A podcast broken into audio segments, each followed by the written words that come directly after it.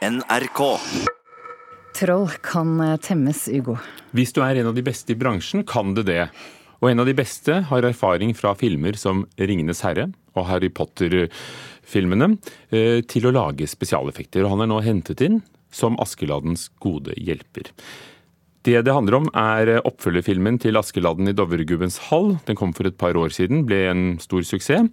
Eh, I den neste filmen, som de holder på å lage nå, så skal Askeland til Soria Moria slott, og på veien treffer han et trehodet troll.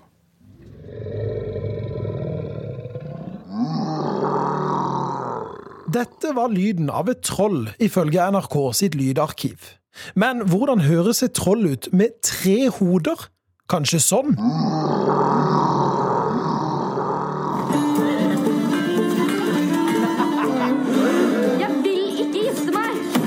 Askeladden i Dovregubbens hall ble den mest sette norske filmen på kino i 2017. Askeladd. Og trakk over 350 000 publikummere til det store lerretet. Ifølge produsentene blir rettighetene til filmen kjøpt av over 80 land, og filmen skal ha blitt godt sett på kino i Russland. Dere må finne prinsessen. Når de nå lager oppfølgeren, slår de virkelig på den økonomiske stortromma. Eller eh, som produsent Åshild Ramborg sier det Det er ikke gratis, det er det ikke. For til å lage det trehodede trollet som skal være med i filmen, har de henta inn ekspertise i verdensklasse.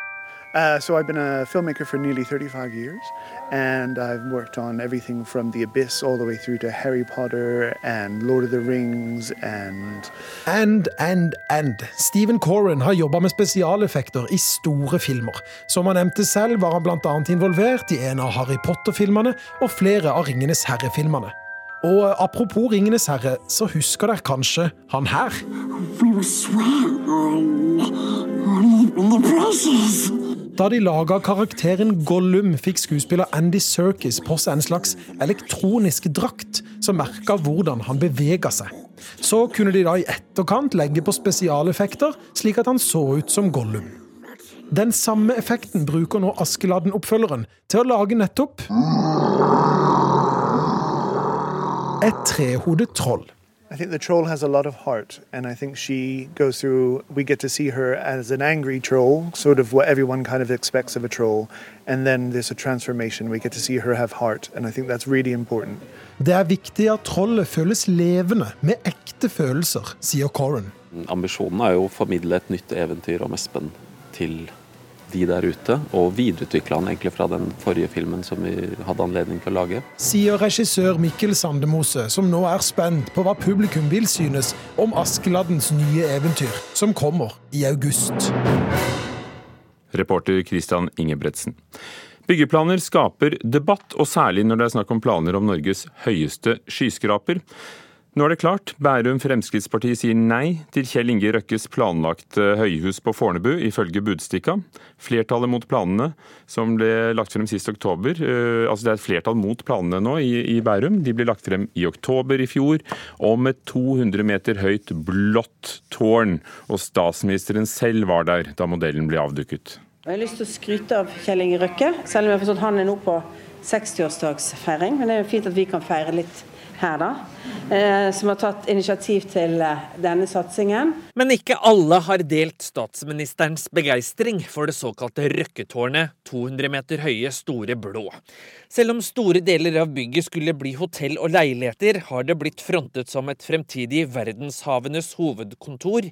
Ikke bra, mener forretningsmann Christian Ringnes. Jeg syns jo ikke det er riktig. Eh, Jeg syns man kunne kalt det for eh, et eh, hotell, eller et leilighetsbygg, eller et kombinert bygg. Det er jo forførerisk smart å kalle det for verdenshavenes bygg, eh, når en så liten del skal brukes til det. Bærum-beboer Jan Christian Mollestad mener Store Blå ville ødelagt hele lokalområdet. Dette vil fullstendig ødelegge eh, den vakre horisonten.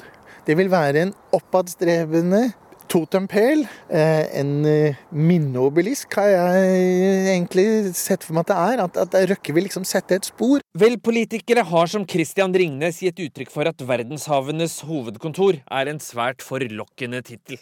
Det er veldig smart av ham å kalle det for et sånt verdenshavenes hovedkontor, eller hva han kaller det. Og gi inntrykk av at eh, vi nærmest er avhengig av å ha dette for å kunne redde verdenshavene. Ved å kalle det for et sånn hovedkontor for verdenshavene, eh, så er det klart det er mye vanskeligere å si nei til det. Like fullt, politikerne i Bærum sier et tydelig nei. Alle partiene gir tommelen ned. Det er bare Høyre i Bærum som ikke har tatt endelig stilling til prosjektet. Nina Jensen, som har ansvaret med å fylle verdenshavenes hovedkontor med innhold, er imidlertid klar. Uansett om det blir på Fornebu eller ei, verdenshavenes hovedkontor skal bygges.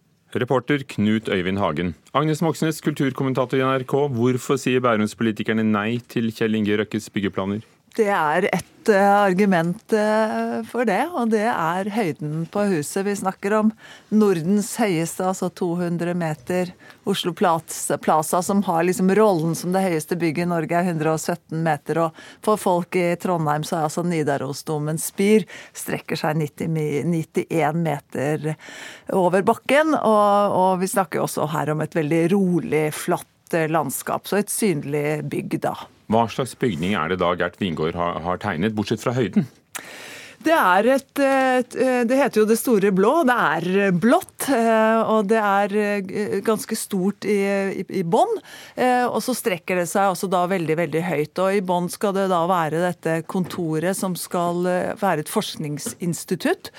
Skal jobbe med ressursene i havet, og hvordan man kan bruke det på en bærekraftig måte. Så det er liksom utgangspunktet. Og så skal det da være hotell og leiligheter oppover i etasjene. I dagens Aftenposten skriver arkitekt Peter Butensjøen en kronikk mot argumentene for høyhus. Han viser til forskning som viser at lavere hus gir bedre og mer miljøvennlig utnyttelse av landskapet. Hva er da argumentene arkitekter har brukt for og mot skyskraper? Altså argumentene, Vi hørte jo litt av det her i reportasjen innledningsvis også. Fra uh, denne planen ble presentert uh, eh, 8.10 nå i høst, så kom jo reaksjonene veldig fort. Og veldig mange som øyeblikkelig sammenlignet uh, Røkkes bygg med Trump Tower i, i New York. han kaller det altså verdenshavenes hus. men det er altså en viktig forskjell mellom Trumps Tower og, og de veldig, veldig mange høyhusene og skyskraperne du finner finner i verden. Og det er at de bygges gjerne hvor det er mangel på tomter, mens her settes jo, plasseres dette høye huset eh, på et område hvor eh, Jeg vet ikke hvor høye de høyeste husene er på Fornebu, men, men mange meterne over havet er de ikke. Sånn at de blir jo en voldsom, voldsom stor kontrast til det, eh, den arkitekturen som er der i dag. Er det en debatt også om symboler? Ja, jeg opplever i, i første rekke at dette er en, en debatt om uh, symboler. Og det merker man også veldig, veldig godt på retorikken som brukes. Uh, det er jo Nina Jensen, søsteren til Siv Jensen, altså, som kommer fra, fra uh, Verdens naturfond, som fronter dette for Kjell Inge Røkke. Og hun snakker jo om, om betydningen av dette forskningssenteret, at man skal finne bærekraftige løsninger løsninger, eh, og at de samarbeider med FN, UNESCO, Polarinstituttet osv. Men det er jo innholdet i huset. Der sier jo Bærum Arbeiderparti at, at, de er jo ikke imot eh, den forskningen, men Nei, den kan jo ligge i hvilket som helst hus. Nei, men det er jo her, altså når man inviterer Erna Solberg på besøk eh, og setter det inn i en sånn stor politisk sammenheng, kobler det opp på bærekraftighet og ressursutnyttelse, så er det klart at det brukes for å få en politisk støtte for et sånt bygg. Og så må de da stå opp da mot f.eks. Christian Ringnes, som vi hørte her, som sier at det er forførerisk smart å bruke eh, den retorikken når det meste av huset skal brukes til eh, hotell og leiligheter. I slutten av mars skal Bærum kommunestyre behandle denne byggesaken. Betyr det over og ut, eller bare et lavere høyhus? Nei, altså Det er jo interessant når man hører Nina Jensen her si at vi har ingen tid å miste. Hvis vi ikke bruker Fornebu, så skal vi et annet sted. og Dermed så legger jo hun et press på politikerne i Bærum. Takk. Agnes Moxnes, kulturkommentator.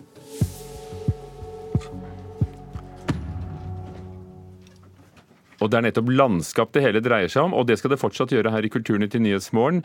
Og om en utstilling med en uvanlig tittel, 'Utestemme', som åpnet sist helg på Nasjonalmuseet tankestrek arkitektur, altså Arkitekturmuseet midt i Oslo.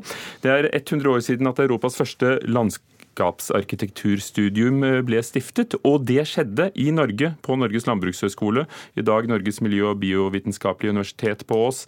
Mona Palle Bjerke, vår kunst- og arkitekturkritiker. La oss begynne med hva er landskapsarkitektur? Ja, det er jo alt fra hager og parker til eh, kirkegårder og alt mulig av dette som egentlig er ofte litt hverdagslandskapet vårt. Mellomrommene mellom bygningene. Så det er jo ofte ikke det spektakulære, det er jo ofte det som vi kanskje tar litt for gitt. Sånn som f.eks. gangstiveiene langs Akerselva. Eh, og dette er jo da derfor man har valgt denne tittelen Utestemme, fordi at dette har vært en litt sånn stillferdig arkitektur som det kanskje nå er på tide å snakke litt høyrøstet om og løfte frem, i tillegg til at utestemme henspiller på at dette er jo ting som skjer utendørs. De har da valgt å fokusere på det de definerer som pionertiden, fra 1919 til 1960 i denne utstillingen. Og så var det jo mange av oss som ikke visste at Norge var så tidlig ute. Dette er laget som en trelabyrint. Fungerer det? Ja, det er jo en litt enkel labyrint. Helt på grensen til å ikke være en labyrint. Det er helt umulig å gå seg vill der, men sånn, som en eh, utstillingsarkitektur så fungerer det fint. Vi vandrer opp og ned på ramper og ser på fotografier, plantegninger da, som forteller om landskapsarkitekturen i Norge. Og jeg er jo veldig glad i Teaterparken i Bergen. Den er eh, designet av Ingolf Eide, anleggsgartner, og der han, med disse slyngende, litt romantiske stiene. Og også Hydroparken på Frogner i Oslo, som er eh, skapt av Grindaker og Gabrielsen, også med utsmykninger av Odd Tandberg, som er et mer rasjonalistisk, eh, mer sånn funksjonalistisk type hagearkitektur. Var det noen andre prosjekter du merket deg? Ja, Et litt interessant, helt annerledes prosjekt det er det som de kaller sanserommet, som er i hvelvet. Dette lille hvelvet. Som, som er det gamle bankhvelvet rett fra dette var Norges Bank? Rebekka Karijord og Jakob Snaveli har skapt et landskap av lys og lyd, hvor publikum kan sitte i saccosekker og oppleve en abstraksjon av Vivaldis de fire årstider. Um, er det en god utstilling? Det er en liten og flott utstilling, og tittelen og konseptet er veldig interessant. Men det kunne vært gjort så mye, mye mer ut av det. Eh, man står selvfølgelig i dette evige paradokset, eh, nesten umuligheten ikke sant, å vise store arkitektoniske prosjekter i museum. Enda vanskeligere når det er landskapsarkitektur. Men jeg tenker jo at det er jo innlysende at man burde ha lagt denne utstillingen til en annen årstid, og åpnet opp og brukt det fantastiske uterommet utenfor Fenpaviljongen. Brukt planter, vegetasjon, landskapselementer for slik å gi oss en mer levende opplevelse av hva landskapsarkitektur egentlig handler om. Du får det til å høres ganske dyrt ut, det du gjerne vil se for deg. Ja, ja, men syns du ikke det ærlig talt at det kunne vært på sin plass å bruke litt penger på den eneste utstillingen som hele Nasjonalmuseet bebuder at de skal vise i dette semesteret? Det er jo faktisk sånn at hele resten av museet ligger i dvale, og nå må det da være fagressurser og penger til overs til å lage, slå litt på stortommet her. Jeg syns for øvrig også det er synd at man ikke har trukket dette narrativet i utstillingen helt frem til vår egen tid. Jeg tenker at her kunne man visst hvor relevant denne utdannelsen er i dag i forhold til bærekraftig og grønn planlegging. Og her kunne man altså gitt utstillingen et eh, samtidstilsnitt som ville gjort denne historien enda mer interessant for oss eh, i dag. Men de stoppet altså i 1960. Den heter Utestemme og er på Arkitekturmuseet i Oslo. Er den verdt et besøk? Det er den absolutt. Helt klart. Mona Palle Bjerke, takk skal du ha, kunstkritiker her i NRK.